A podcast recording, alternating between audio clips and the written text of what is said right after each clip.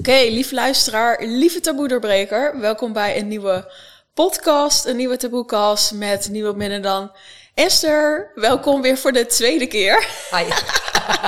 Ja, ik ga eventjes een eerlijk verhaal vertellen. Dingen gaan soms fout in het leven en wat was er nou gebeurd? Ik had een mooi videofragment op mijn laptop gezet, dacht ik. Ik kwam thuis en het was er niet meer. Heel handig. Nou, shit happens, kan gebeuren. Dus welkom lieve Esther voor de tweede keer. Ik Yes. vind het super lief dat je hier weer zit en eh, nou, het dus nog een keer met me op gaat nemen. Wij zitten, voor als je op YouTube zit, in onze mooie eh, festival outfits. Ja, ik hou altijd van een beetje stoeipoes. Jij bent lekker gewoon oldschool. eh Yes. ja, precies. En je hebt een bril op. Misschien wil je dat nog even uitleggen. Ja. Voordat de mensen daar alweer van alles van vinden en denken.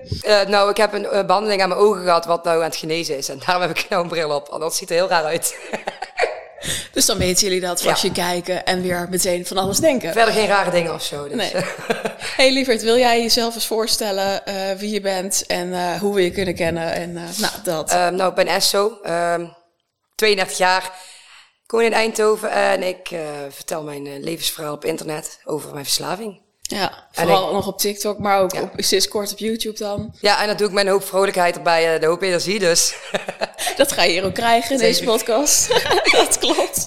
Ja, hey top. Hey, wij, ik eh, heb jou natuurlijk gevonden. Nou, ik, ik zou zeggen, hoe ik jou heb gevonden is dat iemand een filmpje doorstuurde. En dat was gewoon lekker dat je aan het hakken was. En toen daarna zag ik pas, nou ja, alles wat je deelde. En onze liefde is denk ik daar ook allebei wel. Hè? De uptempo hardcore. Yes. Ehm, voordat we naar jouw hè, verslaving gaan en eh, waarvoor je natuurlijk hier eigenlijk zit, hè, de Welcome to the Dark Side. Wil je ons eens meenemen naar de eerste keer dat je naar zo'n feest ging? Hoe was dat voor je? Ehm, de eerste keer was eigenlijk niet zo leuk, want ik- werd gedrogeerd. Oké, nou we beginnen lekker. Hartstikke netjes. Ja. Nou ja, het eerste grote feest eigenlijk. De kleine feestjes, daar waren allemaal gewoon feestjes in de stad. Dat ging allemaal perfect. En toen ging ik naar Decibel. Toen was ik 16 en eh, ik had mijn water niet in de gaten. Ik, had helemaal, ik wist helemaal niet dat het allemaal moest. Ik had wel gesnoven, maar ehm, ik had niet verwacht dat er iets in mijn drinken gegooid werd. Toen gingen we dus veel eerder weg. Ik was echt super ziek. En op het station vroeg ehm, eh, iemand die met ons mee was, die vroeg, wow, gaat Esso dood of zo? Ja, weet ik nog dat hij dat zei. Ik weet ook nog echt dat ik super misselijk was en helemaal eh, laveloos in die bus lag, in die pendelbus. En dat was eigenlijk volgens mij, mijn, ik denk dat dat mijn eerste ervaring was, want ja, je weet het niet als je, ja... Ik had in ieder geval niks gepakt wat, wat die werking zou moeten hebben. Ja, precies. Je bedoelt GHB dus. Ja. ja.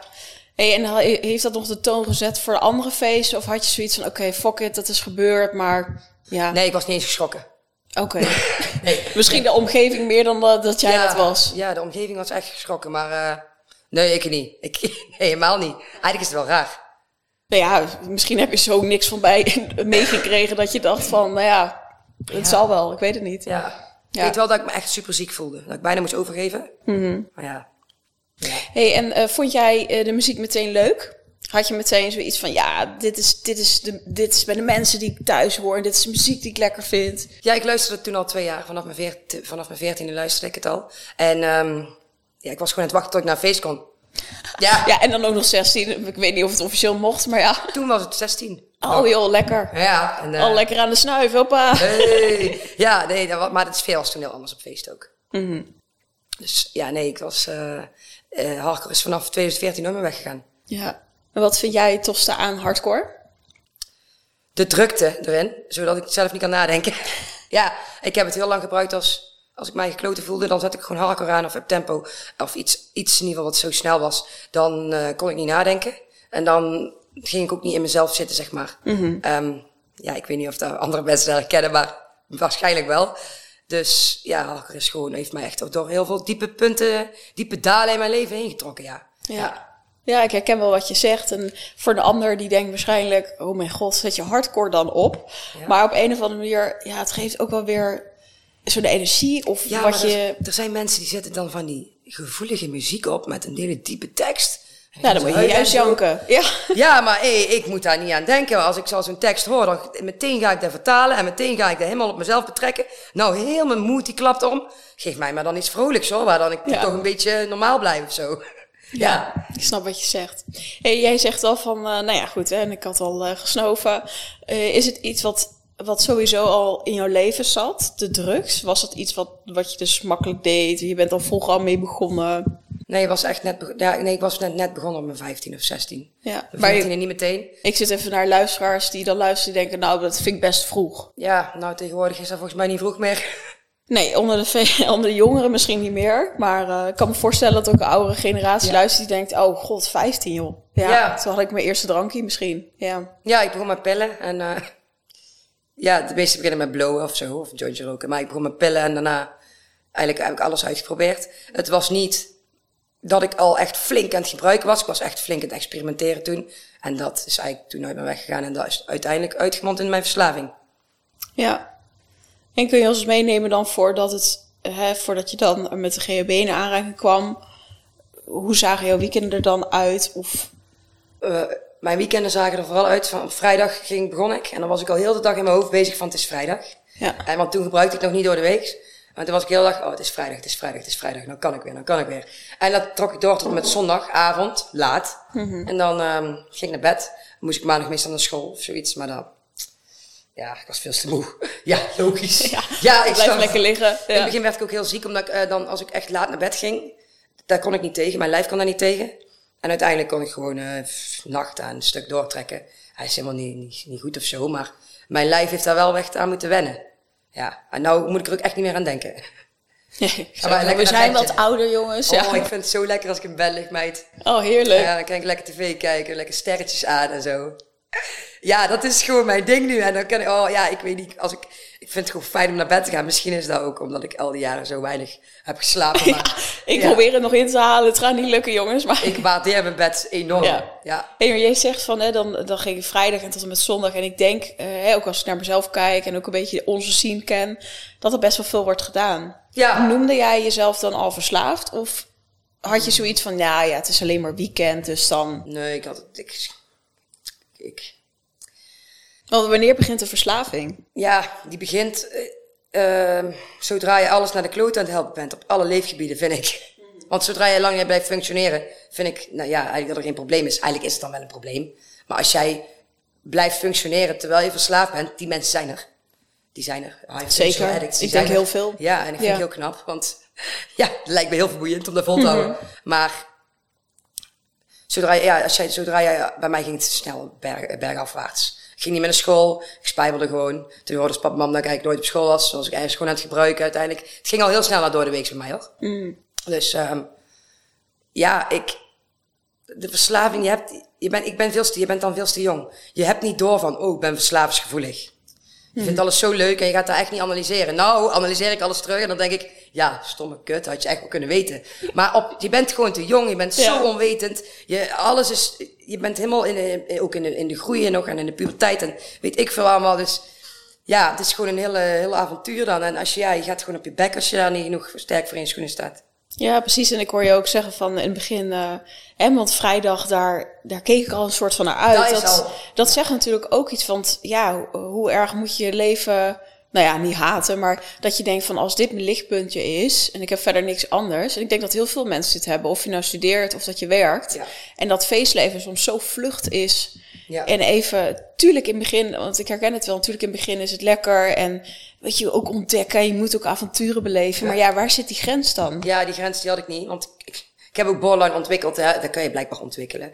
Eh, in- die heb ik niet in mijn jeugd ontwikkeld. Dat is normaal wel. Maar dat heb ik dus in mijn drugstijd ontwikkeld. Want alles in mijn leven was goed. Tot en met mijn vijftiende. En toen begon het helemaal bergafwaarts te gaan. Ja. En ja, toen heb ik zoveel in mijn hoofd gekregen op een of andere manier. Dat ik ook echt alleen maar nog wou verdoven.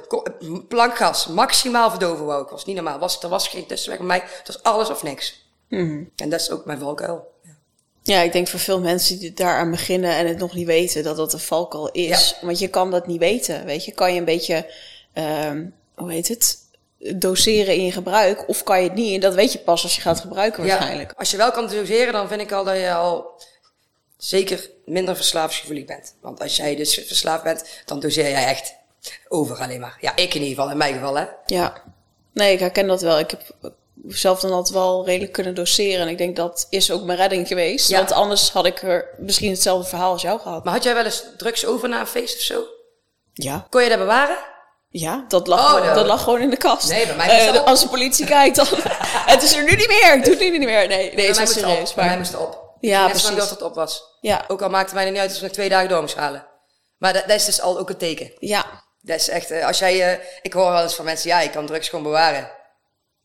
En dan kijk ik echt zo van, huh? Hoezo? Leg, Ja, leg je dat nou, in de ik kast? dus. Ja, leg ik in de kast of in een la. En hoe lang ligt er daar? Ja, een paar maanden. Dat, huh? Ja, nou, dat ben is- ik dus, hoi. Nou, ja, nou, dan ben je dus niet verslavingsgevoelig, denk ik. Nee, nee, nee, dat klopt. controle. Ja. Ja, die had ik niet.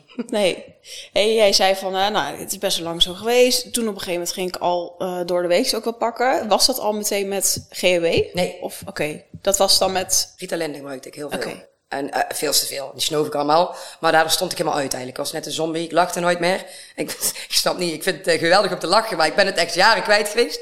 En ehm ja, het zette mij gewoon helemaal uit. Maar daardoor kon ik ook wel weer leren. eh, gedeeltelijk. Want ik heb mijn HAVO heb ik gewoon gehaald op, op medicijnen. Want anders kon ik echt niet leren. En ja, uiteindelijk is dat veel te ver gegaan. En ja, dan, dan functioneer je gewoon niet meer.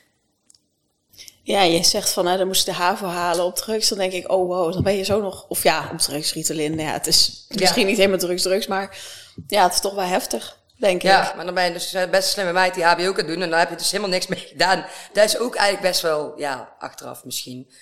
Ik wil niet zeggen dom, want je doet het niet expres. Nee. Maar mijn zusje heeft bijvoorbeeld een hele zware opleiding gehad, universiteit, met dyslexie. En die had echt zoiets van, ja, hallo, je hebt het, kijk hoe je hersenen, je doet er helemaal niks mee. Ja, logisch. Maar ik, ik zoek het ook niet om er iets mee te doen. Ik doe er nou wel iets goeds mee, gelukkig. Op jouw manier. Ja, op mijn manier. Oh, dus top. ik, heb, ik zet ze nou wel in op goede, goede gebieden. Ja, precies. Hey, en eh, wat is het moment dan dat je zei, want eh, dan is het al dat je jaren ook wat door de week gebruikt. Wanneer ben jij dan in aanraking gekomen met GHB? Weet je dat nog? Ja, dat weet je waarschijnlijk nog heel goed. Ja. Ik weet nog wel, ehm, ja, dat moet terug, want ik was toen sowieso al verdoofd voordat ik ermee in aanraking kwam, want ik gebruikte al gewoon dagelijks dingen. Maar Ritalin of nog ja, iets anders dan? Ritalin En ja, ik deed van alles wel erbij, maar uiteindelijk kwam ehm, mijn huidige vriend, die was daar toen aan verslaafd. Toen was het nog niet mijn vriend. Oh, nou komt het ingewikkeld verhaal, jongen. Ja. Jongens, Nou gaan we zitten, jongens. Your seatbelts, Ik had dus ja. met mijn ex, dat was dus zijn broertje. Dus mijn schoonbroertje is mijn ex. Oké, yes. Taboe, yes. Ehm, en ja, nou ja, alles was voorhanden. En eh, die had, op een gegeven moment had hij dat gedaan. En ik wou dat ook doen, want ik zei, als jij dat mag doen, dan mag ik dat ook doen. Toen moest ik dus een briefje ondertekenen, waarop stond, ik doe het maar één keer. Anders mag je mijn ouders inlichten. Ik zeg, dan onderteken jij die ook. Hebben wij allebei ondertekend. Ah, dat is helemaal fout gegaan. Dus maakt niet uit, ook onderteken je briefjes die zooi, je neemt toch over. Ik vond de eerste keer geweldig. Eh, alles was mooi, alles was leuk. Ik voelde me lekker warm of zo, ik weet niet. Ik had wel eens pijn in mijn benen van de spieren. Je spieren mijn spieren die raakten van slag. Maar voor de rest was alles leuk. Eh, ja, ik kreeg trouwens ook geen dop van een cola fles. was ook wel heftig dat je die niet loskrijgt. Ik was, mijn, mijn lijf was een beetje slap, gewoon een spierverslapper is het ook. Maar ja, ik vond, het, ik vond het wel mooi, ja. En uiteindelijk, ja, wou ik natuurlijk meteen alweer meer. hoe is dat dan gegaan op die avond zelf? Op die avond zelf heb ik, eh, is, heb ik gewoon niks meer gepakt. Maar uiteindelijk eh, dacht ik van, oh, nou, kan het wel weer een keer doen. Dat is dan een paar weken daarna. En daarna, dat wordt, die weken worden steeds korter. Dus dan uiteindelijk zeg je, oh, kan het, ik heb het dit weekend niet gedaan, dan kan het volgende weekend doen. Oh, ik heb het door de week niet gedaan, dan kan ik het ieder weekend doen. Dus het sluipt er echt in. Het sluipt er zo in. En echt, het gaat echt, je denkt dat je de controle hebt, maar je hebt hem niet. En op den duur, ik wist, als je drie dagen achter elkaar gebruikte, dan kan je afkikverschijnsel hebben. En ik hou, hield die drie dagen heel goed in de gaten, dacht ik. Maar uiteindelijk waren die, eh, stond ik op en toen was ik aan het trillen. En toen dacht ik, ja, nou daar heb je het moment. Toen heb ik doorgebruikt, want ik wou van die afkikverschijnsel af. En dat is ja, lang zo doorgegaan. Ja. Ja. En eh, ik ben even luisteren en luisteraar, want jij zei ook van hij gebruikt eigenlijk al best wel veel. Ook andere dingen. Wat maakt dan het verschil voor jou met GHB? Ja, Waarom was dat dan die, die trigger of dat, dat, dat zo, oh, dit is echt mijn... Dat Ja, ik werd daar echt, ik werd daar echt wild van gewoon. Ja, en ik ben al wild, maar ik kreeg daar zo'n boost van, jongen. Dat is niet, nou, nou, die boost heb ik nou ook. Ja, natuurlijk. toen was ik al, al niet meer nuchter en dus ik was die boost al kwijt. En GHB was ook mijn vrolijkheid, want als ik down was, pakte ik een dopje en was ik vrolijk. Maar het kon ook mijn eh, verdriet versterken, dus ik wist af en toe ook niet wat ik ging doen. Als ik namelijk heel verdrietig was en ik pakte een dopje, werd ik nog verdrietiger. En daar, daar was, ik heb echt een keer urenlang gehuild. Ik wist niet eens wat er aan de hand was, maar ik heb wel gehuild. Maar ik werd ook niet meer rustig. En ehm ja, het werd gewoon, ik werd gewoon, alles was leuk en ik kon overal, ik had overal zin in. Eh seksleven gaat, die gaat zo omhoog. Dus ja, voor mij had het alleen maar voordelen in het begin. Ja, ik ging wel eens oud, maar dat maakte mij ook niet bang. Achteraf gezien heb ik wel heel veel momenten die denk van ja, ik, ik heb eigenlijk gewoon heel veel delen kwijt. Maar ja, kan ik toch niet meer terugkrijgen. Is dat ook iets onder GHB-gebruikers dat dat oud gaan op een gegeven moment gewoon erbij gaat horen? Omdat je meer gaat gebruiken of iets? Of? Mm, ja, ligt eraan. Sommigen niet. Want uh, vrienden van mij, die konden wel gewoon maat houden. Ik ben echt degene die het vaakst oud ging. Ze noemden mij mevrouw Nokkie.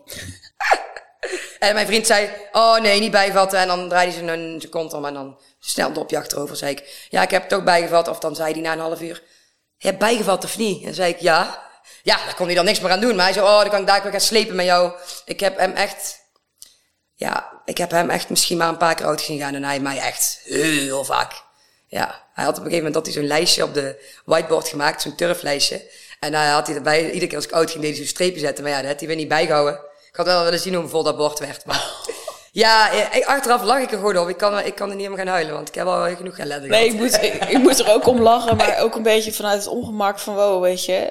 Uh, zo makkelijk over denkt. Nou, en ik ben ook wel benieuwd van uh, hoe, hoe is dat dan? Want uh, voor jouw vriend, om dat te zien. Oh ja, die was gewoon normaal. Ja, het was überhaupt gewoon normaal bij jullie. Bij ons was het gewoon normaal, want ik heb hem, ik heb hem daarvoor ook aan de gehakt, ja, gehakt noemen wij het. Gehakt. Ja, dat is automatisch gehakt. Ja, um, dan weten jullie dat. Ja. ja. Of potten, ja, dat kan ook. Um, ik heb hem wel uh, toen uh, een tijdje langer aan zien zitten, maar toen had ik nog niks met hem. En uiteindelijk zijn we er dus samen weer aangegaan. Want hij is er wel van afgekomen toen, maar toen is hij weer terug eraan gegaan. En toen, ja, toen ben ik, ik deed gewoon mee. En ja, voor ons was het normaal. Het is niet dat je zegt van, oh, pak je nou alweer iets. Nee, dat, daar ben je niet meer mee bezig. Dan, je bent al dat punt ver voorbij. Je hebt al nachten met elkaar een keer doorgehaald. Ik kende hem al zeven jaar, hè? Of nee, ik kende hem al vier jaar. Vier jaar kende ik hem al. Dus we hebben al die jaren samen al doorgebracht. Ook met zijn broertje en zo. En dan denk ik van, ja, je hebt op een duur, ja, je, je spreekt elkaar er niet meer op aan. Want het is normaal. Het is gewoon normaal. Het is net alsof je een peuk gaat roken of een uh, drankje gaat doen. Ja, voor ons was het iets anders. Ja. En uh, jij bedoelt dan echt op het moment dat je dus de hele week gebruikte, dat het echt letterlijk was, ik ga een peuk doen, ik doe een dop. Ja, ja, ik moest, als ik opstond, moest ik een dopje vatten. Wel, wel drie op, nou, op het einde, want anders kon helemaal niks. kon helemaal niks. Ik wist ook al altijd, altijd als ik wakker werd, dan voel ik me kut. Daarom wou ik ook niet naar bed. Ik wou zo lang mogelijk wakker blijven. Want ik wist als ik ga slapen, oh, dan moet ik weer opnieuw beginnen, hè. Dan moet ik weer dat GHB-niveau op peil brengen. Moet ik weer helemaal in die flow komen. Maar dat duurde soms lang, jongen. Ja, en da, da, daarom wou je ook niet naar bed. En dan trek je langer door. Proberen je het in ieder geval. Ja, dat is volgens mij echt wat je bedoelt nu, de verslaving. Ja. Gewoon zo lang mogelijk die ja. soort van piek, ja, als je het al kan noemen. Want ja, als je oud gaat en dan... Ja, als je oud gaat ook maar weer die piek opnieuw krijgen. Maar als je oud bent gegaan en je wordt wakker... Ik wou altijd bijvatten, dat deed ik ook vaak. Maar ja, als ik alleen was, kon ook niemand zeggen... Esso, dat moet je niet doen. Ja, ik deed dat heel vaak dus wel. En dan ging ik weer oud, want dat zit dan toch zo diep in mijn systeem. Je moet dan eigenlijk even gewoon niks pakken. Maar als ik oud ben gegaan, dan werd ik wakker en dan dacht ik, uh, ja, bijvatten. Ja, ik weet niet waarom die gedachte zo is, maar dat is ook de verslaving gewoon. Mm Ja. hey, we hebben het al even over je vriend. Uh, jij zei van, hè, ik heb altijd wel een beetje zaken gebruikt. Dan op een gegeven moment de GB ook echt erg. Nou, je vriend gebruikt het dan mee, dus dat, daar krijg je niet meteen de spiegels van. Maar hoe, hoe was jij dan en überhaupt ook hoe oud? Want ik weet niet uh, waar je nu, hoe oud je ongeveer was. Maar hoe kijkt de rest van de omgeving daarnaar? Hoe bedoel je? Nou, weet niet. Ja, hoe ging, had je anders contact met je ouders? Of... Toen ik verslaafd was? Ja. Oh ja, ja. Je, je bent gewoon alleen maar in een omgeving waar je gewoon kan gebruiken zonder dat iemand er iets van zegt. En bij mijn ouders had ik heel veel ruzie en zo, omdat ik was helemaal veranderd. Um, ik kwam ook niet meer thuis. Ik was al heel lang met thuis weg de ouders van mijn vriend vonden mij het probleem, was ik ook echt serieus. Uh, die zeiden ook tegen mijn vriend, ja, je moet haar uh, eigenlijk in steek laten, want dit is echt niet goed voor je. Maar mijn vriend zei, nee, want ik ben de enige die zij nog heeft. Dat heb ik laatst te horen gekregen. Lief, hè? En mijn ouders zeiden dus van, ja, hij is het probleem. Maar die zeggen nou achteraf, nee, jij was het probleem. Ik was ook het probleem. Want ik ging echt veel verder als hem. Uh, maar ja, je, je denkt als ouder toch dat jouw kind het probleem niet is. Dat denk je gewoon. Maar achteraf heb ik, zeggen papa mam ook, we zijn veel te hard geweest tegen hem, want hij was het probleem niet. Ik zeg, nee, dat klopt, dat was ik. Maar ja, ouders die willen dat op dat moment nog niet zien, denk ik. Nee, en ook omdat je in zo'n situatie zit waarvan je denkt... oh god, komt mijn kind daar nog uit? Ja, ja En het ook fout kan gaan, weet je. En dan wil je toch Ja. iemand misschien de schuld ja, geven. inderdaad. Ja, en, en ook al, het is diegene zijn schuld. Nee, het is nooit iemand zijn schuld geweest. Ik heb alles zelf naar binnen gewerkt. Ik had ook nee kunnen zeggen, terwijl ik in die omgeving was. Maar dat deed ik niet. Nee, ik pakte alles wat, ik, wat, er was, dat pakte ik, ja. En eh, hoe lang heb jij op deze manier GHB genomen? Mm, zeven jaar, maar dat was in het begin niet. In het begin was het echt met. eh, het heeft zeven jaar geduurd vanaf het eerste dopje tot het laatste, zeg maar. Maar dat was niet, het is niet meteen verslaafd, hè. Daar hebben we al die weken nog tussen gezeten, dus. Maar uiteindelijk, ja, was, heeft het in totaal zeven jaar geduurd. En eh, ja, dat is best lang eigenlijk. Zeven jaar. Ja, als ik, da- soms denk ik wel eens, wow, een jaar. Als ik nou nieuwjaar vier, dan denk ik, wow, dit was nieuw. Als dan, ik heb nou vier, nee, drie of vier nieuwjaren sinds ik uit de kliniek ben. Moet je nagaan dat ik al die tijd dan aan de GHB zat. Zeven jaar is lang, hè? Ik ben iedere keer denk ik, wow, is weer een jaar voorbij. Wow, en dan zat ik nou eigenlijk nog steeds aan de rotzooi. Ik vind het ook heel knap dat je dus na zo'n lange tijd eh, ja, eh, bent afgekikt. Want dat is, weet je, je hoort ook heel vaak van GHB dat dat echt het middel is dat super moeilijk is om van af te kicken. Dus dat vind ik ook echt knap. Ja, ik hoorde laatst van iemand die had heroïneverslaving gehad. En die zei tegen mij, volgens mij is GHB veel moeilijker en veel erger. Maar ik dacht, ik denk dat juist van heroïne. Dat is, ik weet niet. Ja, die hebben ook een uitzending gehad, dus kunnen mensen Ja. daar even naar luisteren. Maar ja, ik denk, ja, het ligt eraan. Ja, het is sowieso ook je middel natuurlijk. En Ja. wat je zegt, van je hebt het ook heel lang gebruikt, maar dat was het middel wat echt, nou ja, jou heeft genekt op een gegeven Ja, moment. ja inderdaad, ja.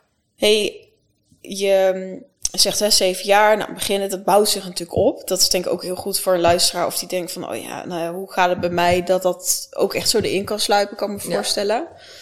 Hoe lang heb jij dan geleefd van, van dop tot dop? En, en hoe ziet je dag er dan uit? Want je zei net al van, ik word wakker, Ja, ik, eh, ik neem meteen een dop en dan?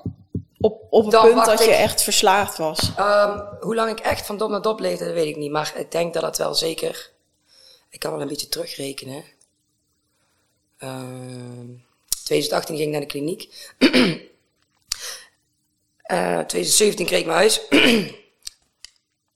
Daarvoor was ik... Ja, ik denk dat het zeker vier jaar was. Vier. Vier of vijf jaar, sowieso. Ja. En hoe ziet zo'n dag eruit? Want je van dop naar dop, of weet je nog überhaupt hoe je je dan voelt? Ja, ik denk dat het wel sneller is gegaan. Ik denk dat ik zeker vijf, vijf jaar zeker. Nee, ik heb er geen twee jaar over gedaan om verslaafd te worden. Dat kan niet. Denk wel zes jaar dat ik er van dop naar dop heb geleefd, ja. Maar de, ehm, op het einde gebruikte ik meer, zeg maar.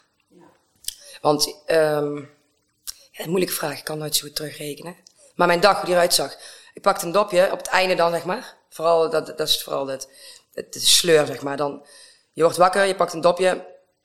Ja, wacht even. Ik wachtte dan heel even tot hij een beetje werkte, maar dat was niet genoeg. Pakte ik na een half uur weer. Dan was het dan een beetje meer op peil. En als ik dan net, eh, net voordat ik ging, want ik ging meestal weg, dan pakte ik nog een half dopje bij. Dan was het niveau wel weer oké. Maar ja, dan pakte ik na een uur weer bij en meestal ging dan oud. Ja, ik was zeggen, was je al uitgegaan, Ja, maar nee. ja, ik weet niet. Ik ging echt heel vaak oud. Ook met mijn vriend was dan werken. Ik was dan thuis. Ik maakte het GHB ook in mijn keuken. Dus ik ging heel vaak ging ik naar, het- naar het eh citycentrum. Ging ik daar korrels halen. Die eh gootsteenkorrels, die ik nooit meer normaal kan gebruiken nu. Snap ik. ja, echt van, huh, ja, ik, ik maak hem gewoon niet schoon, mijn gootsteen. Dat doet mijn vriend maar. En eh, trigger misschien ook weer. ja, het zou best kunnen. Ik heb het nooit geprobeerd eigenlijk. maar ja, dan ging ik die korrels halen en dan ging ik terug naar huis. Dat was dan een beetje daginvulling. Kon ik weer een nieuwe GHB maken, want ja, heb ik toch nodig. En dan ging ik die testen. Meestal ging ik dan ook weer oud. kwam mijn vriend thuis en dan ja, vaak ging hij ook weer weg. Ging hij even naar de garage om te sleutelen of zo. Maar ik ging eigenlijk, eigenlijk ging ik heel vaak oud op een dag. Ja. Ja. En je gevoel? Of was het gewoon echt... Nee, ik leef van top tot top en Nee, er gaat eigenlijk weinig door me heen. Ja, ging wel veel door me heen. Er ging nog steeds veel door me heen, ja.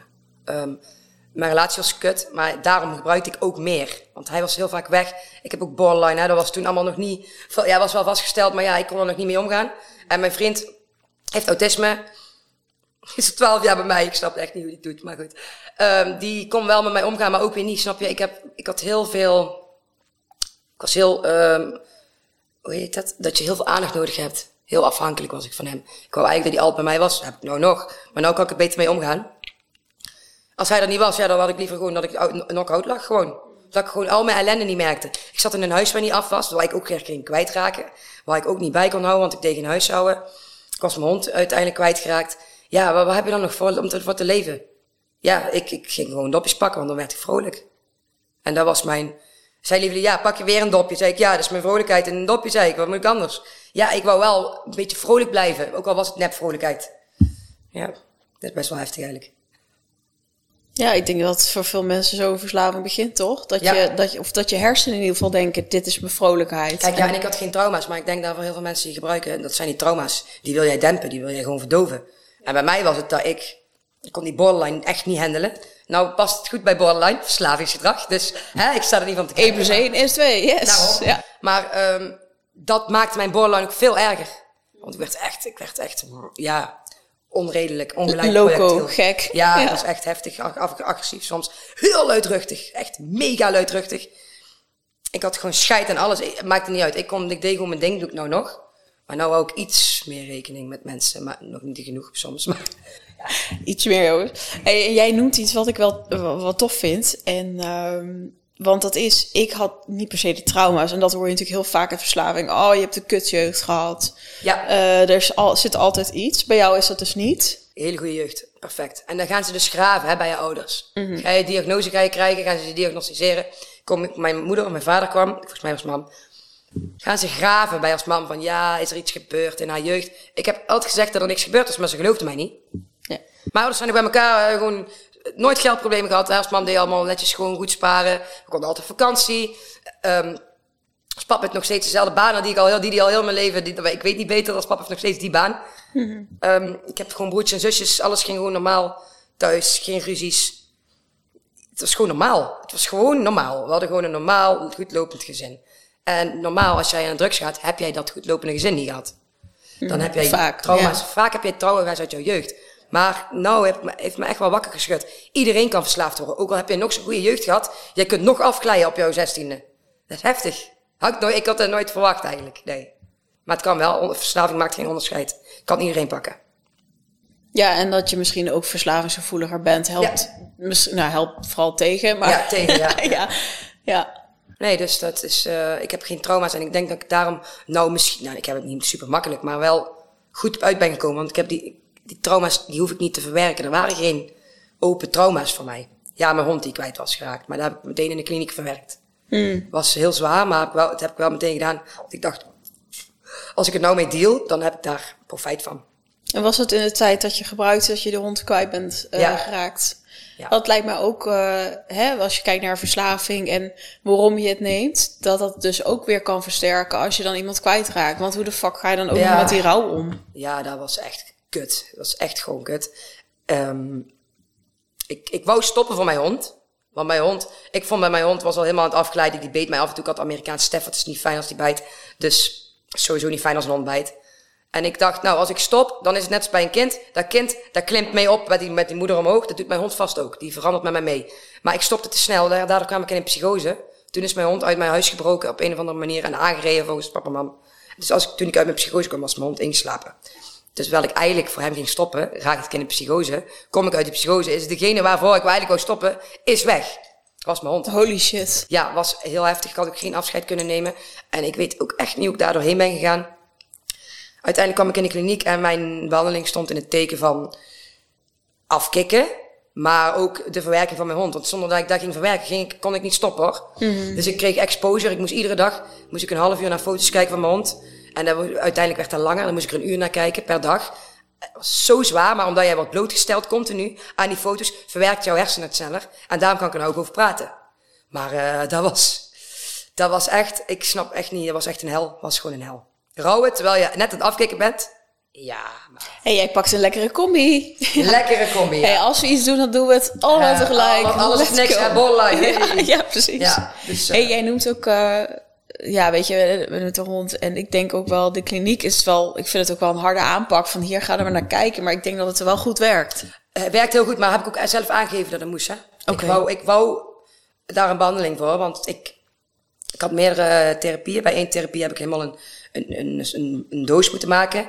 En daar zat ook helemaal vol met foto's van mijn hond. Want er moest eigenlijk wat eraan bij binnen van jou zat. Er zat alleen maar verdriet bij mij van binnen nog. Ik was mijn hond kwijt, mijn, mijn maat. Dus ja, toen heb ik ook... ehm dat ernaar kijken was heel zwaar. En, en als ik dat een dag niet deed, dan zei de therapeut...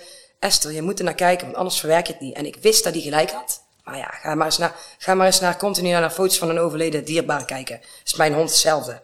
En uh, die stond bij mij altijd langs mij aan mijn zijde. Die heeft bij mij op straat gestaan. Die heeft mij beschermd op straat, want uh, het is, op straat is niet fijn.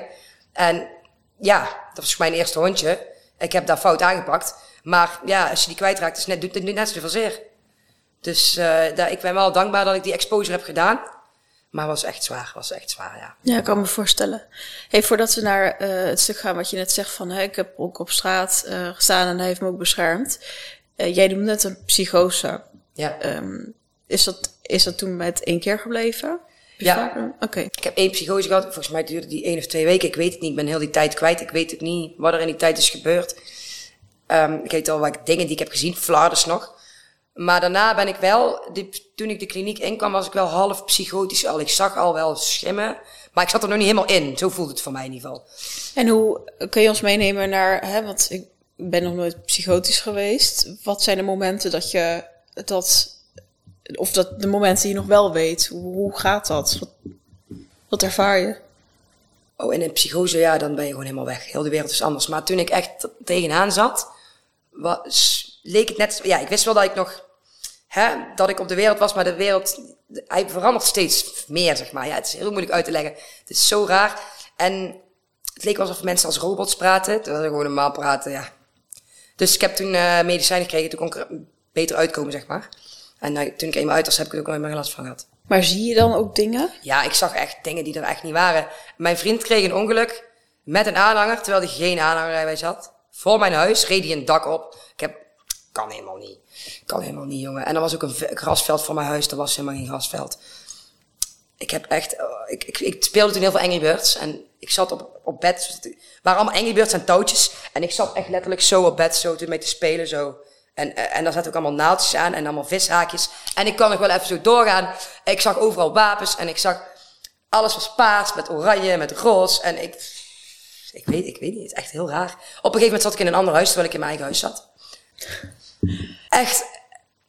Ik heb mensen gezien, die waren voor mijn raam, die waren echt net zo groot als de raam. En die hadden samen een kind en die hadden elkaar nog nooit gezien. Dus ik zo tegen diegene daarna, ja, jullie hadden samen een kind. Hij zo, echt zo, ik heb haar nog nooit gezien. Ik zeg, oh nee, klopt. Ja, zulke rare dingen. En ook, je ziet gewoon echt dingen die er niet zijn. Maar die wel, wel waar je denkt bang voor bent of zo. Want wapens vond ik niks. En ze waren heel trouwens mijn hond doodschieten. Nou ja, dus die hond was er toen nog wel. Die heeft mijn psychose meegemaakt, mijn hond. Want die was er nog. Tijdens mijn psychose weet ik dat hij er was. En ik kom eruit en hij is weg. Ja, dat is wel kut. Maar psychose, dat is echt kut. Voor iedereen die dat heeft, dat is gewoon echt... Weet je zegt zelf van, het is eigenlijk uh, overgevlogen of één of twee weken, ik weet het niet. Heb je op dat moment wel dat je angst ervaart? Of? Um, ik wist in het begin dat ik in een psychose zat. En toen, dat, dit is wel best chockerend misschien, maar toen ben ik, omdat ik dacht, oké, okay, dit zit in mijn hoofd, dan moet ik nou dat lichamelijk plaatsen naar mijn lichaam. Dat was mijn best wel logische gedachte van ik. Dus toen heb ik met een mes in mijn been gesneden. Gewoon puur dat ik die prikkels kreeg. Dat ik misschien uit die psychose snapte. Dat vond ik best nog een logisch idee. Maar werkte niet. Werkte niet. Ja, dus dat. Ja. Nou, dus mensen, als je hoeft niet Werk te niet. proberen. Werkt niet. Al deze tips. Nou, ik hoop überhaupt dat je nooit in een psychose nee. terechtkomt. Zorg ervoor alsjeblieft. Oké, okay, jij, uh, zei, uh, ik heb op een gegeven moment ook op straat geleefd. Hoe uh, is dat gegaan? Ja, dat was echt... eerste keer ben ik bij mijn vriend uit huis gezet. Ook mede door die ouders een beetje, want mijn vriend kon er eigenlijk niet over zorg verkrijgen. Maar als hij dat niet had gedaan, dan was hij ook zijn woning kwijt. Dus dan stonden we beide op straat.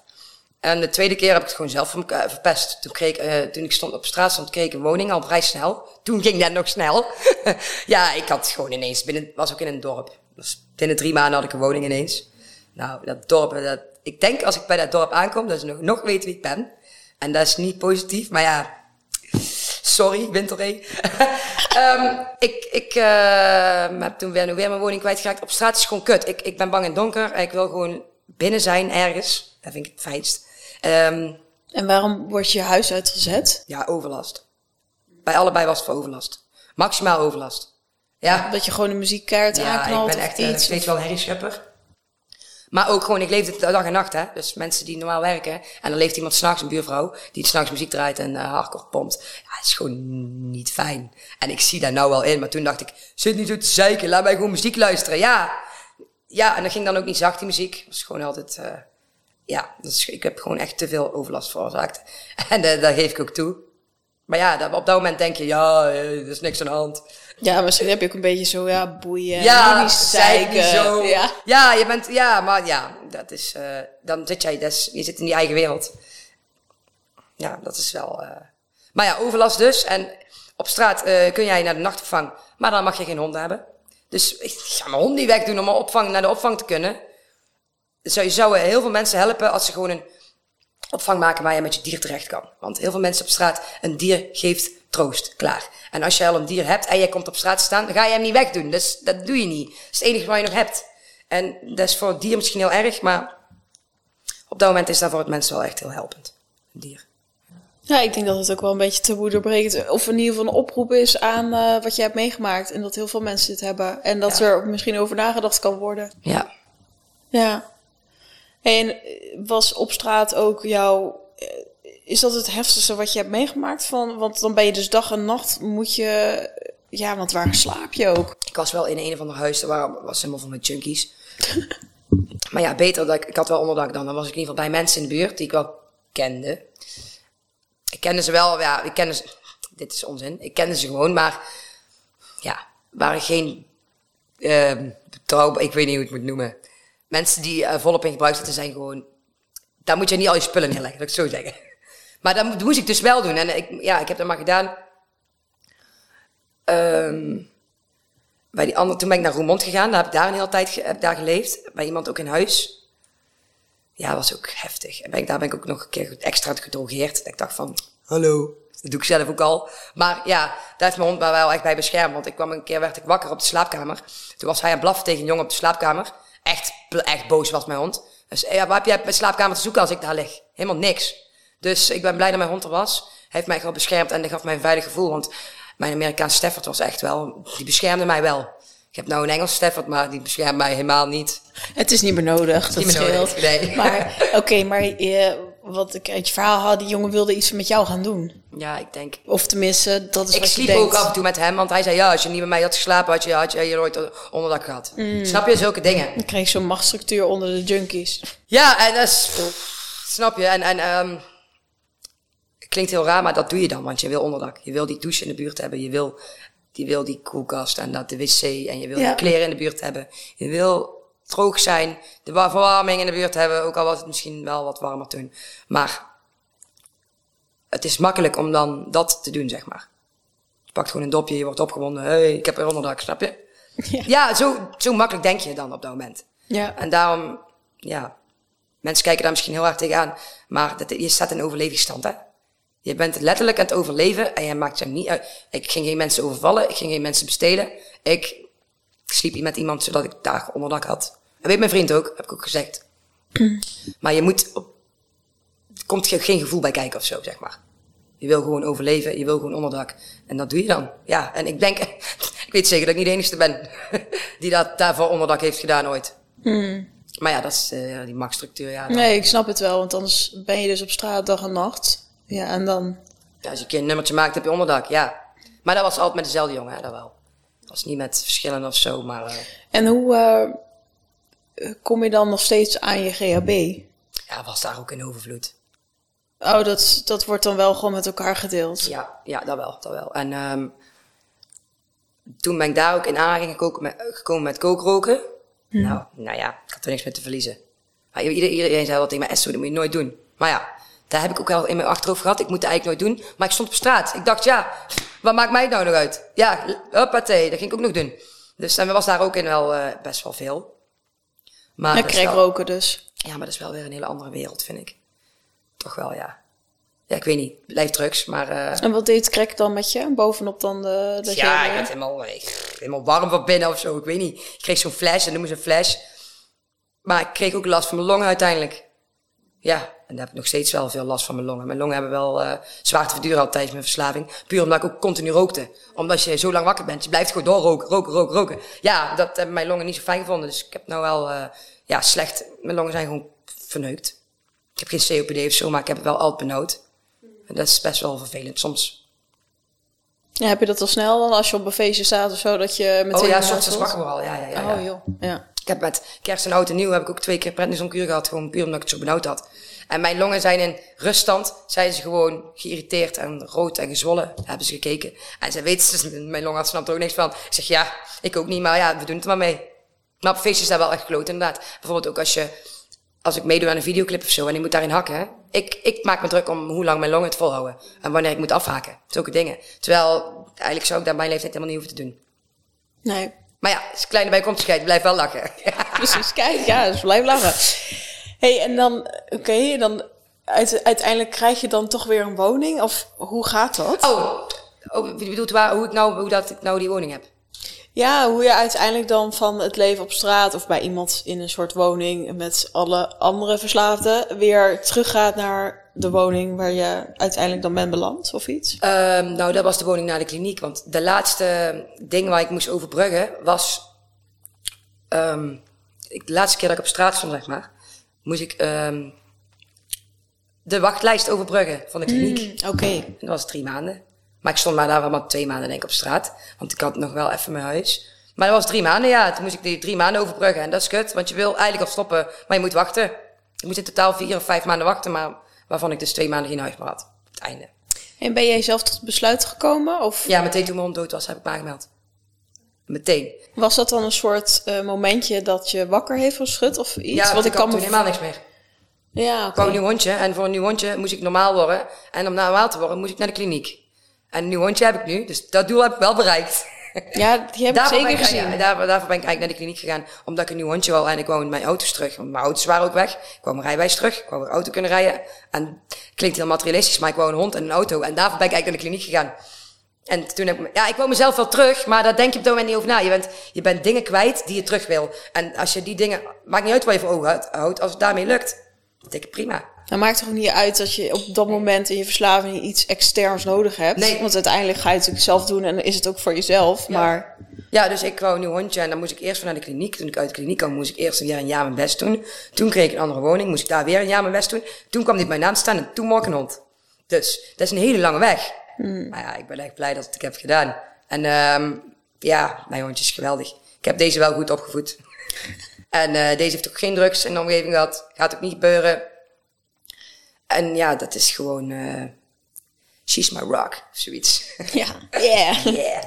Mijn, mijn, mijn, mijn trofee op al mijn goede werk is zij. Ja, ja, heb ik echt verdiend. Ja, en ik vind ook wel, weet je, zullen mensen denken, jeetje, kom jij aan. Maar weet je dat die hond dood is gegaan, dat is natuurlijk gewoon kut. Alleen het klinkt ook wel een beetje als, oké, wacht, wat de fuck, nu ben ik alles kwijt en ik ga nu mijn leven veranderen. Ja.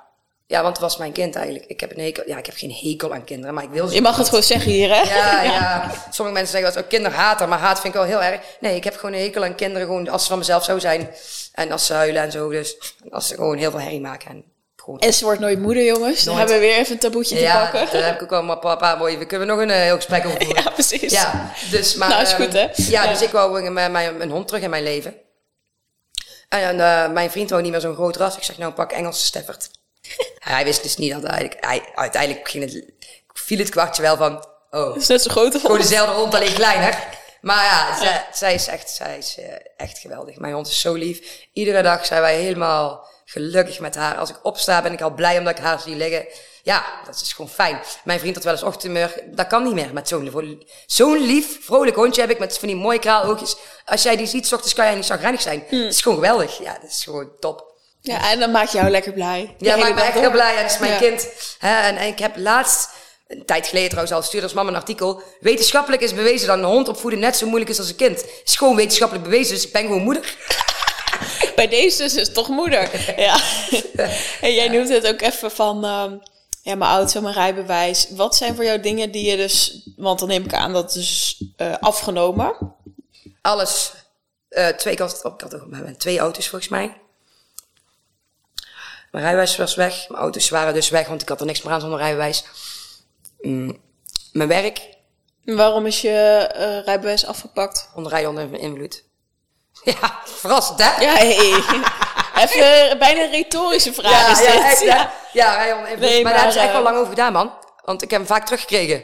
Nee, maar ik wou zeggen van wat is dan het moment geweest? Want ik kan me voorstellen, kijk, als verslaafde, mensen hebben hier vaak ook een oordeel over, dus het is wel taboe doorbrekend, vind ik, van ja, dan ga je rijden en dan moet je Oh, ja. doen. Maar ja, je weet je, je bent zo in een andere staat dat ik denk, ja, jij Jij- stapt gewoon achter het stuur. Je denkt er niet over na. Nee, want je functioneert pas met die rotzooi op. En als jij functioneert, denk jij, jij denkt te functioneren dan, ehm, dan kan je ook uitrijden. Dat was, het is heel normaal om als verslaafde gewone dingen te doen die je als een normaal mens ook doet, zonder dat je het hebt gebruikt. Ik ging gewoon rijden, ja, ik ging heel vaak auto achter het stuur, werd ik weer wakker.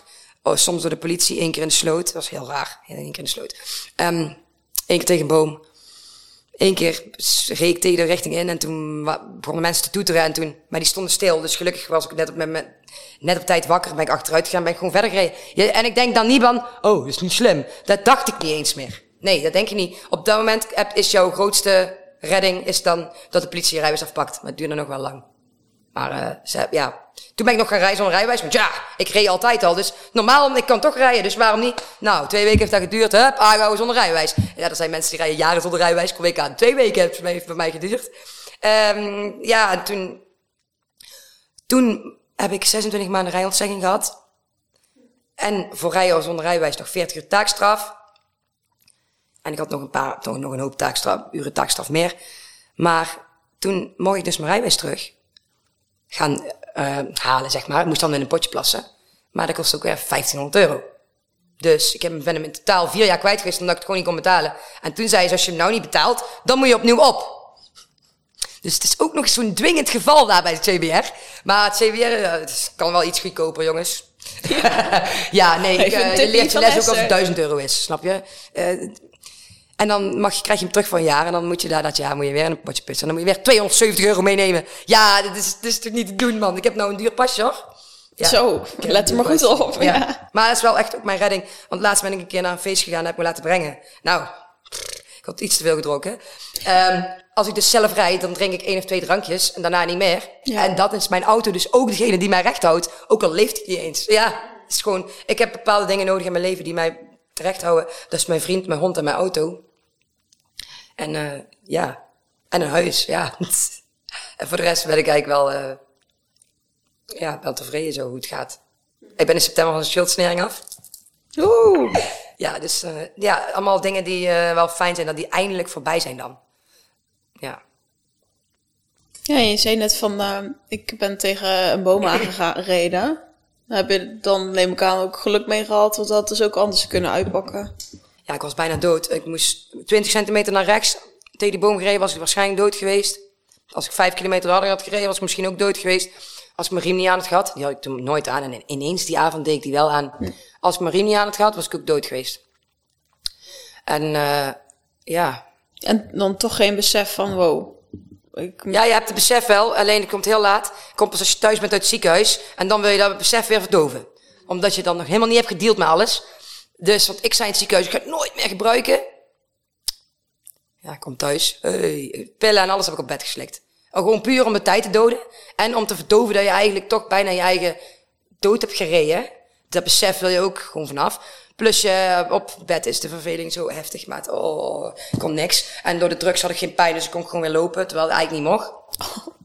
Heel lang complicaties gehad. Ik heb, ik heb nog operaties gehad na de kliniek. Gewoon puur omdat het gewoon allemaal nog niet goed was. En omdat ik, het was gewoon eh, niet goed, allemaal niet goed genezen. En nou is alles redelijk goed. Ik kan weer, ik kan weer hakken. Dat moest ik mij ook weer aanleren. Ik moest mij aanleren om te lopen. Dat heb ik allemaal zelf gedaan. Dus af en toe als je het weet, dan zie je wel als je achter mij loopt van, nou, de voetjes staan niet helemaal recht. Maar ik vind het prima zo. nou weet iedereen het. Ja. Nou weet iedereen het. Dus ehm ja, besef, besef komt laat, dat wel. Maar ik ben nou ook niet bang om auto te rijden. Heel veel mensen zouden dat wel hebben. Nee jongen, ik, ik race nog zelfs. Dus ja, alleen een weg met bomen vind ik wel minder fijn natuurlijk. Weg met bomen, dan heb je weer zo'n... Dan krijg je altijd krijg ik dat iets terug van... Oeh, weg met bomen. Maar ja, ik ben nuchter. Ik rijd niet zomaar tegen een boom aan nu. ja. Dus Van welke actie heb je zelf het meeste spijt? Oh, dat is een hele goede vraag. Ik denk dat ik bed met heel veel mensen heb gedeeld tijdens mijn verslaving. En dat het puur was voor aandacht. Maar daar heb, ik, daar heb ik wel spijt van. Maar ja, ik kan er niks meer aan veranderen. Niet in spijt van, oh, eh, ik ben een slet of zo. Weet ik veel. Ik geef er helemaal niks omdat het er zoveel waren. Maar dat is niet, niet fair toen naar mijn vriend toe. Want het was uit, aan, uit, aan, uit, aan, uit. Je hebt de kutrelatie. Als je op, op, op rotzooi een relatie hebt, dan is het gewoon een kutrelatie. En we zijn nou gelukkig bij elkaar. Hebben overal een streep onder gezet, wat ik heel fijn vind. Hij weet ook gewoon echt van heel veel. En zegt, ik zei, ja, jij was er nooit. Jij zei, gaat maar eens anders. Ik zei, ik ga het wel ergens anders zoeken. En hij zei altijd, doe maar. En dan ging hij weer weg. Dus dat heb ik gedaan. En dat is vanaf toen een patroon geworden. Als ik GHB fiet, wou ik aandacht. Ik wou mensen in mijn buurt hebben. Je wordt opgewonden. Ja, ik heb bed met best veel jongens gedeeld. En uh, sommige, ik weet, ja, het is gewoon best wel vaag allemaal heel die tijd. Maar dat vind ik uh, wel soms denk ik wel bij mij van, ja, het is gewoon kut. Het is gewoon slecht dat je dat hebt gedaan. Maar ja, ik kan er niks meer aan veranderen en uh, ik was een heel ander mens toen. Ik ben nou zo trouwens een hond, jongen. Ik ben het liefst heel dag bij mijn vriend in de buurt. Ja, jij oh. zei het al, lekker. Oh, ik hou zoveel van hem, hè. Oh, dat is niet normaal. En ik, ben, ik vind het het fijnst als hij gewoon echt altijd bij mij in de buurt is. Ik, ik heb dat ook niet meer. Nou ben ik gewoon mezelf. En ik heb dus niet zoiets van, oh, ik wil met andere jongens in bed induiken. Dat heb ik echt alleen op de GB gehad. Ja, en die GB maakt ook heel veel los in je. Dus uh, ja, mensen kunnen daar een mening over hebben, maar ja. Misschien dat er heel veel vrouwen ja, niet zo hebben aangepakt, maar die vertellen het niet. Precies. Hey, uh, weet het, jij noemt hem al een paar keer jouw vriend. Ook echt uh, rots in de branding, zo klinkt ja, Mijn vriend, Jullie zijn natuurlijk samen verslaafd geweest en uiteindelijk dus ook samen uitgekomen. Hoe is dat bij jou gegaan? Want je mocht dan uiteindelijk naar de kliniek. Ja, en hij uh, was thuis, want hij is geen kliniekmens. Het moet bijpassen, kliniek. Niet iedereen is gemaakt om de kliniek in te gaan. Moet ik wel even bij zeggen. En waarom ehm, past het dan bij jou? Ja, ik weet niet. Ik, voor mij is het gewoon de structuur daar, de hulp. Mm. Ik, ik, ik wist al, ik was al een keer eerder geweest, dus ik wist het al hoe het daar was. Maar je moet mijn vriend niet in een uh, vreemde omgeving zetten met uh, allemaal vreemde mensen die aan het afkicken zijn. Mm. Bijvoorbeeld. En dat was voor mij minder problemen. Ik denk, ja, dat moet wel bij je passen. Ik heb al vaker van mensen gehoord, kan niet in de kliniek, het past niet bij mij. Ja, dan moet je het zelf thuis doen. En als je dat niet kan, dan moet je wel de kliniek in. Maar mijn vriend kon het thuis, die heeft het thuis gedaan. En ik heb het dus in de kliniek gedaan. Wel een beetje afstand genomen van elkaar. Maar uiteindelijk zei hij van ja, en ik wil, je, ik wil niet, uh, ik wil bij elkaar blijven. Ik zeg ja, dan moet jij ook stoppen, anders dan gaat het niet. Dat hebben we allebei gedaan. En vanaf dat moment zijn we gewoon bij elkaar. Vanaf dat ik in de kliniek ben, is hij bij mij geweest. En ook gewoon in de kliniek kwam hij op bezoek en zo. En ja, had ik weer een keer een uitgeleider in de kliniek. Ook weer GHB op. Kwam hij net op bezoek. Had ik zelf GHB, zeg maar. Hij niet. En zegt hij tegen, ah, ik weet nog wel, hij had hij mij weer bij de kliniek afgezet, want hij zag alweer hoe ver het was. Hij zegt, daar gaan we weer. Hij zegt, ja, daar gingen we weer. Ja, je moet op je bek gaan af en toe, want anders leer je er niks van. Maar uh, hij is eigenlijk, uh, ja, twaalf jaar zijn we bij elkaar. En we hebben echt, ja, alles meegemaakt dus. En, uh, ja, nou, nou gaat het gewoon goed. We hebben al vier jaar geen ruzie meer. we hebben echt gewoon nooit ruzie. En sommigen zeggen, ja, dat is niet gezond als je nooit ruzie hebt. Wij hebben zat ruzie gehad. dus wij hebben nou, we hebben jarenlang ellende gehad. Met wel fladers van goede momenten natuurlijk. Maar uh, ja, nee, de, ik vind het ook helemaal niet meer fijn om, om, om een ruzie te maken.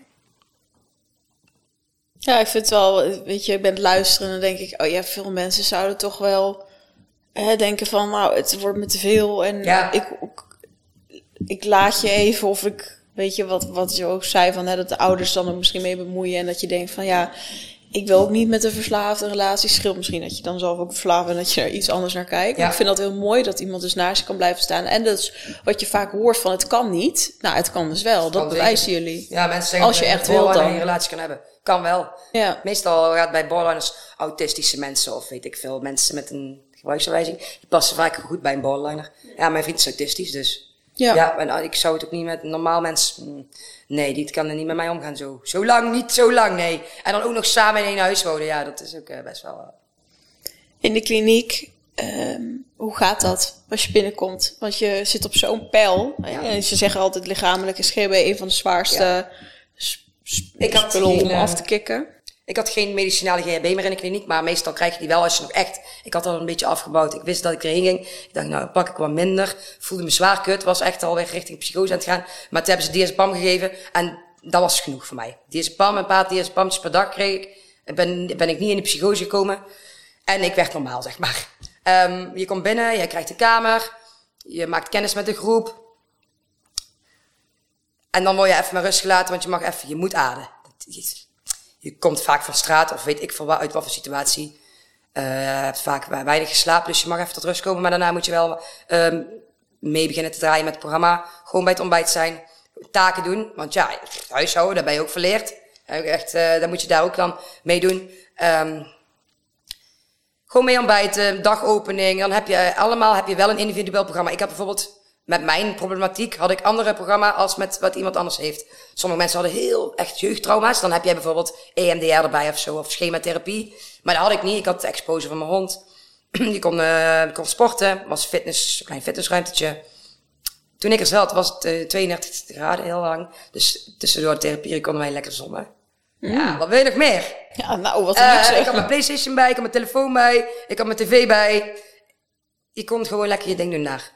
Ja, want dat, uh, natuurlijk, we hebben het al een beetje gesprek gehad, maar dat lijkt me dus ook wel fijn dat je in een kliniek niet alles wordt afgenomen. Ja, vind ik wel. Ik, ik, kijk, er zijn klinieken waar dat gebeurt. Ik vind het niet nergens beslaan. Ik snap ergens misschien wel de gedachtegang van dan kan je ook geen dealers bellen of zo. Ja, of een uh, vast app als of, je een keer weg ja, mag. Maar uh, mensen die verslaafd zijn, zijn zo gehaaid. Wij regelen dat toch wel. Maar het is ook gewoon die telefoon heeft mij zo geholpen. Ik, ik moest, ik werd borderline. Ik, ik wou mijn vriend gewoon kunnen bellen. Als ik het moeilijk had, wou ik gewoon contact met hem kunnen opnemen. Of met zijn mam, of met zijn pap. Met iemand in ieder geval. Ik, ja, ik snap niet waarom je die telefoon af moet pakken. Het is geen bias. Ja, ik wil wel het gevoel hebben alsof ik gewoon nog steeds mens ben. Ik had mijn Playstation zelf bij, jongen. Nou, uh, Playstation 4 op de kliniek, ideaal. Maar mensen hadden gewoon Xbox bij. Iemand had zo'n tv bij maakt. Echt zo'n dikke tv. Ja, maar je moet wel een beetje je eigen ding kunnen blijven doen als je dan eventjes je rustmomentje pakt, dat je even naar je kamer kan gaan, dat je even een spelletje kan doen, even je Netflix aan kan zetten, even je telefoon iemand kan bellen, weet ik veel wat. Gewoon op je social media kan, want dat komt toen gewoon. Ja, ik vind het belangrijk. Dus die gewoon uh, niet afpakken. Ja, het past in ieder geval bij jou. Dus, dus het is fijn dat het wel waar, je die houden, mogen, waar je die mag houden. Novadik. ja, ja ik even reclame. Ik ben echt tevreden over Novadik, hebben mij echt geholpen. En er zijn mensen die zeggen, ja, Novadik is kut, en dat. Ja, maar je moet het zelf echt wel doen. Ze gaan niet, je kunt niet alles op een instantie gooien. Je moet dingen ook zelf regelen. Ja, het is uiteindelijk, kijk je natuurlijk, je moet goede begeleiding hebben, maar jij bent degene die er die als goed is vanaf wil. Ja. En ja, dat is denk ik wel een grote illusie soms dat iemand of dat zo'n instantie dan de fixer moet zijn. Ja. Zoals als het niet lukt, tuurlijk, weet je, en soms misschien ook de hulp als je uit de kliniek komt. Misschien kan dat soms beter, dat weet ik niet. Ik ja, hoor daar ook wel eens verhalen over, want dan sta je weer in je eigen wereld. Dat is zo anders dan dat je in een kliniek zit. Ja, dat is na traject en dat is bij mijn eerste opname fout gedaan en ga gegaan. Maar dat, dat regelt het de kliniek niet. Dan moet je zelf regelen. Ik heb in de kliniek heb ik een recursering geregeld. Mijn natraject heb ik geregeld. Ik kreeg woonbegeleiding. Ik kreeg dan een woning waar ik dan heen ging. Dat was dan een gedeelde woning uiteindelijk. Werd, dat was dan een gedeelde woning, maar ik heb heel lang alleen in gezeten. Maar je moet zelf erachteraan. Novadik gaat jouw huis niet regelen. Novadik kan jou helpen bij afkicken. Die kan jou ondersteunen. Die kan er voor jou zijn. Um, en die kan jou helpen als je een terugval hebt gehad. Van die kennis dan mee gaan kijken van wat er gebeurt.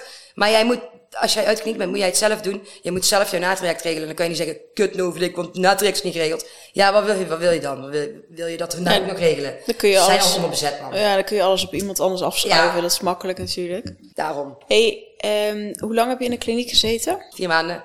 Ja. En, en je zei al van, ik heb ook een keer een uitgeleider gehad. Oh, regelmatig, ja. Ja. Ja, ik, ben een keer, ik heb twee keer heb ik een kwart liter GHB mee de afdeling opgenomen. En achteraf denk ik, waarom doe ik dat nou eigenlijk? Maar ja, dat is nog, jij moet, ja, je moet, ja, het is heel raar, maar jij, jouw verslaafde ik, die neemt af en toe dan weer over. En dan ga je, dan ga je gewoon weer, dan ga je gewoon weer door het stof. Maar ja, daar praat ze dan over en dan... Um, ja, hoe wordt daarmee omgegaan? Ligt eraan. Ik was heel gemotiveerd. Ik deed echt ze zagen aan alles aan mij dat ik wou stoppen en dat ik echt vol voor ging. Maar ja, als er dan zoiets gebeurt, gaan ze wel natuurlijk met jou in gesprek van: Hallo, waarom neem jij drugs mee de afdeling op? Dat is echt no-go. Krijg ik ook een officiële waarschuwing voor. Oh ja, dan kun je ook weggestuurd worden. Je kunt weggestuurd worden als jij met het sowieso met de pet naar gooit en je hebt ook nog allemaal uitgeleiders binnen en drugs op de afdeling. Tuurlijk. Maar gelukkig hebben ze het bij mij niet gedaan. Ze zagen, oh ja, je praat er gewoon over. En ik heb het ook, uh, ik heb ook niet anderen ermee lastiggevallen of zo. Kijk, je kunt er wel, het kan zijn de anderen er zucht van krijgen, dat kan. Dus daar denk je ook niet over na op dat moment. Maar jouw medecliënten zijn kei begripvoller. Ja, die zitten daar allemaal met hetzelfde probleem, zucht. En die hebben allemaal iets van, oh ja, snap ik, en die zijn kei lief. Er is geen enkele medecliënt die boos op jou wordt. Niemand, er wordt niemand boos op jou. In ieder geval, in mijn geval niet. En ook geen begeleiders die boos worden. Of ja, ik heb gewoon, Novelik was super begripvol naar mij toe. Ik vind ook, of tenminste, het klinkt heel erg als een, uh, een oordeelloze omgeving. Ik denk dat je, of ja, niet misschien altijd, maar hoe mensen dan naar je doen. Ja. Dat dat ook wel nodig is. Want ja. uh, ik denk dat de omgeving, of hè, waarom nemen we dit überhaupt op? Omdat het een taboe is in onze samenleving. Ja. ja, als we allemaal de oordelen over hebben, dan maakt het niet echt makkelijker. Nee, inderdaad, inderdaad. En, en ja, ik denk ook dat je een uitgeleider wel nodig hebt om uiteindelijk goed je herstel in te gaan. Ik heb er echt veel gehad, toch? Ja, en toen ik buiten kwam, helemaal. Grote boze wereld. Hey. Ik dacht dat ik heel wereld aankom. Nou, echt dus niet. Nee, ik heb me echt vaak op mijn bek gegaan toen ik uh, nog uh, buiten was. Maar ik wist, oké, okay, ik moet mij herpakken. Heb ik iedere keer gedaan. Het was ik iedere keer maar eenmalig. Het was niet uitglijders van dagen, want dan is het een terugval. Maar het was iedere keer eenmalig. Bijvoorbeeld dat ik een dopje pakte een keer op een dag. En ik dacht, kut, dat moet ik niet doen. Dat ik gewoon ergens bij iemand in de buurt was die dat had. Dat ik dat ook pakte. Want ik zocht toen nog wel mensen op af en toe die dat deden. Na de kliniek. En een uitgeleider is dus een dag en het terugval is echt dat je weken dan weken, ergens ja, zit. helemaal door het stof gaat, ja. ja. Dan, uh, maar ja, een, uit, een uitgeleider klinkt ook minder heftig, vind ik. Ja, een terugval maar vind ik heel zwaar. Ja, een terugval is ook zwaar. Maar een uitgeleider is gewoon, je glijdt even uit en je staat erop. Ja, zo kijk ik er ook tegenaan. En ja, ik ben ook nooit streng voor mezelf geweest. Ik mocht altijd fouten maken van mijn ouders vroeger. Dat heeft me denk ik ook wel geholpen. En ja, er zijn ook mensen die gaan naar Afrika. En dan gaan ze daar die kliniek in. Ik vind dat kei goed. Maar je komt daarna terug in Nederland, hè. En je hebt niet kunnen oefenen, hè. Bij Novelik kan jij oefenen. Je gaat even terug naar jou, je gaat naar jouw, nieuw, ja, nou, jouw nieuwe huisje. Je gaat op verlof, je oefent met jouw vrijheden. Je oefent met jouw triggers, met risicomomenten. Maar als je uit Afrika komt, komt alles in één keer op jouw bordje. Daarom vind ik daar zo, ik vind dat je moet kunnen oefenen. Dat vind ik echt, dat vind ik echt een, eh, een must eigenlijk. En als ik jou zo hoor, hoort een eigen uitgeleider dan ook bij in het traject van ja, zeker. Zeker. Want iedere uitgeleider die ik heb gehad, die, uh, die, die vertelde mij, dit wil jij helemaal niet, maar je doet het wel. En dat is steeds, dat ging steeds langer goed en nu gaat het wel heel lang goed. En voor iemand die kijkt en uh, hetzelfde proces zit en wel heel streng is, wat zou je dan iemand willen aanraden? Het is al moeilijk genoeg, ben niet zo streng voor jezelf. Als je je eigen herpakt, kan je ook het op die manier bekijken van, hé, hey, ik heb mezelf herpakt, dus ik heb, dat is al heel moeilijk, je eigen herpakken. Want jij zit, je hebt gebruikt, dus jouw hoofd is weer, die heeft dat weer gehad. Dus als jij je eigen al herpakt, ja, kan je gewoon trots op zijn. Klaar, het is al moeilijk genoeg, ga je eigen niet afstraffen, niet te streng zijn voor jezelf. Je hebt de fout gemaakt, je moet wel bekijken van, hè, je moet er niet te licht over gaan denken. Je moet wel echt kijken van, hoe kan dit gebeuren? Waarom is het gebeurd? Hè, wat was de reden eruit? Stelt de reden achter. En wat kan ik de volgende keer doen om het uh, te voorkomen? Als je daar al over nadenkt, vind ik al dat je, ja, al genoeg aan doet eigenlijk. Een soort omdenken van in plaats dat je jezelf straft te zien van hé, hey, herpakt je, dat is al top. Ja, ik bekijk het op positieve manier. Ik trek mij overal doorheen dus. Ja, je bent sowieso, uh, of tenminste, ik kan me voorstellen dat dat ook helpt. Hoe jij in het leven staat of als je zegt maar ouders, ik mocht fouten maken, dat dat zo'n andere mindset is dan dat je bijvoorbeeld altijd bent afgestraft of als je iets fout doet, dat het echt, oh nee, ik kan niet. Ja, inderdaad. Ja, ja dan heb je denk ik eerder, uh, ja, daar heb ik al geluk mee inderdaad. Ja, fouten maken is menselijk en uh, een uitgeleider is gewoon fout. Hmm. Kijk, hetzelfde eigenlijk als als je al te hard rijdt en jij bent voortaan, hou je aan de snelheid, maar je rijdt ineens weer een dikke boete. Ik vind het hetzelfde. Je straft je eigen dan ook af. Mm. maar het kost wel heel veel dan. Ja, dat ja. kost het zeker. Nou ja, het is, gewoon, uh, het is gewoon een patroon. En, en, als je dat patroon al doorbreekt, dat is al heel moeilijk. Dus ik vind het al heel knap als jij je eigen pakt. Daarom vind ik gewoon niet te streng zijn. Nooit, nooit te streng zijn. Ja. En jij noemde het al van, uh, ik ga ook nog naar feestjes. Of ja, hè, en ik zei laatst van, oh, toen had ik iets te veel gedronken toen ik weg was. Ja. Hoe is dat voor je? Als ik te veel drink. Nou, dat je op een... Ja, nee, dat zal wel kut wel zijn. een nieuwe ervaring. Ja. hey, katertje. Oh. Ja, nee, uh, ik bedoelde inderdaad uh, weer op een feestje staan. Ja, dat is wel best wel moeilijk. Maar uh, ik heb ook gedacht, als ik daar ga oefenen, dan leer ik uiteindelijk nieuw gedrag aan. En dan weet ik niet beter. Dus ik drink altijd één of twee pilsjes aan het begin, soms drie.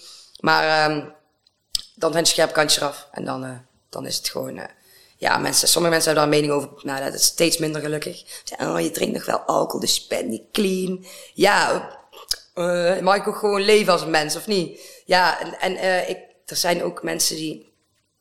Ik zeg altijd, ik zeg al heel lange tijd zeg ik, ik ben clean van GHB. En dat was ook echt hetgeen wat heel mijn leven verwoest heeft. Hmm.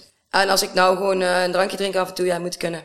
Ik rook s'avonds ook een jointje. Ik noem het uh, damage control. Ja, want als dat jointje mij weerhoudt van alles weer te gaan, te gaan doen, ja, dan heb je gewoon, uh, ik vind dat gewoon, ja, helpend, zeg maar dan. Ja, ik kan me wel voorstellen dat mensen dan zeggen van, oh, dan heb je een nieuwe verslaving. Ja, ja, is dus niet, maar... Dan zou je zonder kunnen?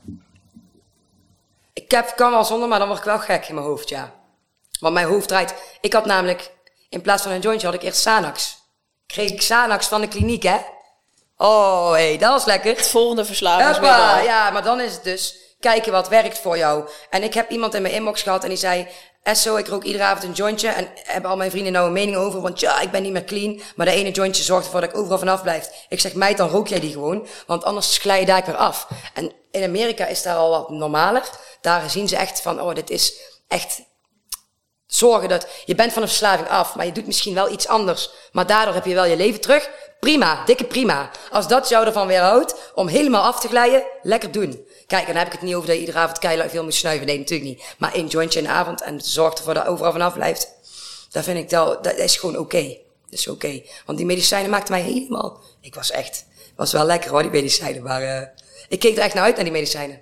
Ja, dat lijkt me ook. Zeg, ik tegen mijn vriend, oh, het is pillentijd, zei ik. Het is pillentijd. Ik was echt, oh, lekker jongen, pillen. En dan zei hij altijd, oh, kan je niet een half uurtje laten pakken? Want ik werd helemaal, oh.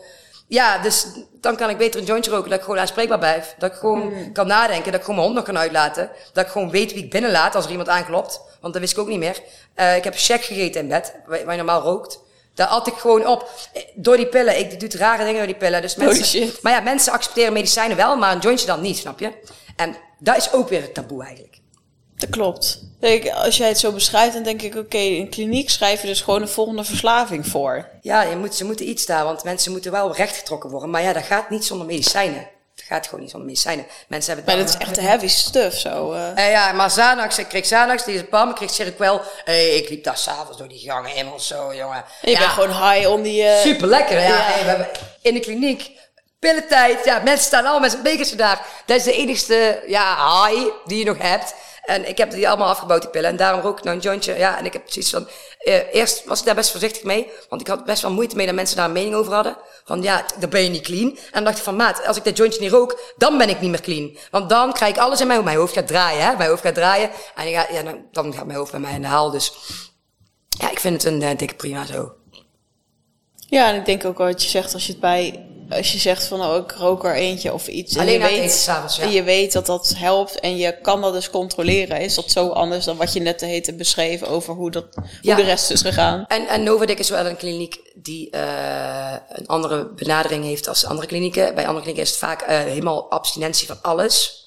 Maar bij Novadik is het van je kunt misschien ooit in de toekomst gecontroleerd gebruiken. Daarom, als ik, ik haal het jointje op pas avonds, anders weet ik dat ik hem overdag oprook. Dus ik ben continu wel bezig met mijn gedrag en hoe dat dat ik zeg maar niet in een valkuil val. Dus ik haal hem s'avonds en dan rook ik hem ook pas s'avonds op.